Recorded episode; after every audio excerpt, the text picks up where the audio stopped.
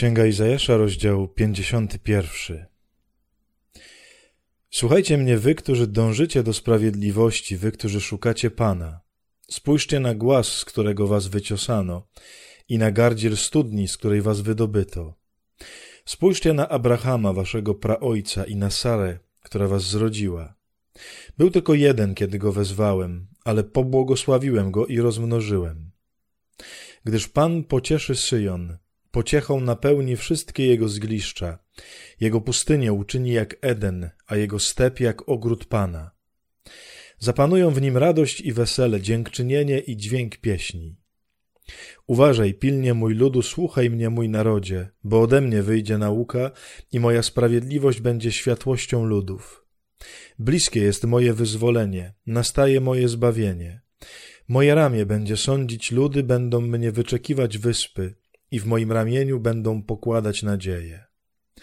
Wznieście swe oczy ku niebu i spójrzcie w dół, na ziemię, bo niebiosa jak dym się rozwieją, ziemia jak odzież ulegnie zniszczeniu, a jej mieszkańcy wyginą jak komary. Lecz moje zbawienie będzie trwać na wieki, a moje wyzwolenie nigdy nie przeminie. Słuchajcie mnie, wy, którzy znacie sprawiedliwość, ludu, w którego sercu jest moja nauka. Nie bójcie się obelg ludzi, nie obawiajcie się ich zniewag. Bo mole zjedzą ich jak odzież, i jak wełnę pożre ich robactwo. Lecz moja sprawiedliwość będzie trwać na wieki, a moje zbawienie przez pokolenia. Zbudź się, zbudź ramię Pana, przyodziej się potęgą. Zbudź się jak za dni pradawnych, jak za pokoleń sprzed wieków. Czyś to nie ty posiekało Rachaba i przebiło potwora? Czyś to nie ty osuszyło morze, wody wielkiej otchłani, uczyniło drogę przez morskie głębiny, aby przeszli wyzwoleni. Odkupieni przez Pana powrócą i przyjdą na Syjon z weselem. Niekończąca się radość będzie ich koroną, ogarnie ich szczęście i radość, a udręka i smutek przeminą. Ja, właśnie ja was pocieszam. Kim jesteś ty, że boisz się człowieka, który musi umrzeć, zwykłego śmiertelnika, który ginie jak trawa, a zapominasz o Panu, swoim Stwórcy, który rozpiął niebo i utwierdził ziemię. Dlaczego całymi dniami drżysz nieustannie przed gniewem ciemięscy, który pragnie niszczyć? Lecz gdzie jest gniew ciemięscy?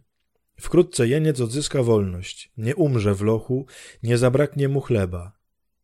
Ja jestem Panem, Twoim Bogiem, który porusza morze i sprawia, że burzą się fale. Pan zastępów to Jego imię. Chcę włożyć moje słowa w Twe usta i ukryć Cię w cieniu mojej ręki, aby rozpiąć niebo i utwierdzić ziemię i powiedzieć do Syjonu, jesteś moim ludem.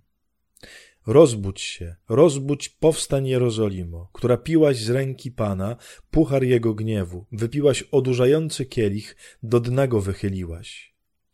Nie ma nikogo, kto mógłby ją prowadzić, chociaż wielu synów urodziła.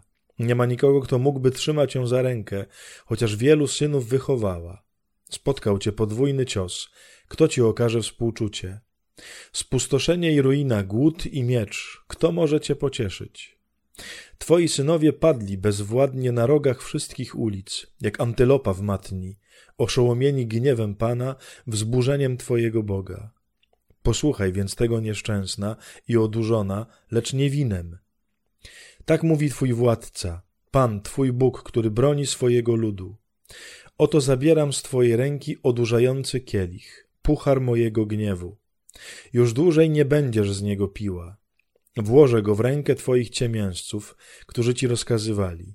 Znisz się, abyśmy mogli przejść po Tobie. Ze swoich pleców uczyniłaś dla nich jakby ziemię, jakby ulice dla przechodzących.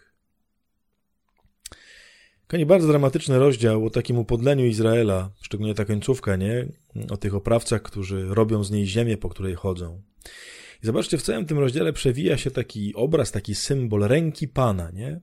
Gdzie najpierw jest mowa o tym, żeby ręka Pana się wzniosła, potem chodzi o rękę karmiącą, chodzi o rękę, która osłania i tak dalej. Nie bardzo Was zachęcam do odprawiania nabożeństwa, jeżeli tak można powiedzieć, oczywiście trochę w cudzysłowie, do nabożeństwa do ręki Pana. Jak tylko potrzebujecie pomocy, jak tylko czujecie, że jest wam źle, że sobie nie radzicie, że po prostu giniecie, wołajcie o rękę Pana. Proście, wyciągnij, Panie, rękę nade mną, schroń mnie pod Twoją dłoń, nakarm mnie Twoją dłonią, wyciągnij swoją potężną prawicę. To jest bardzo piękna modlitwa, która woła o objawienie się ręki Pana.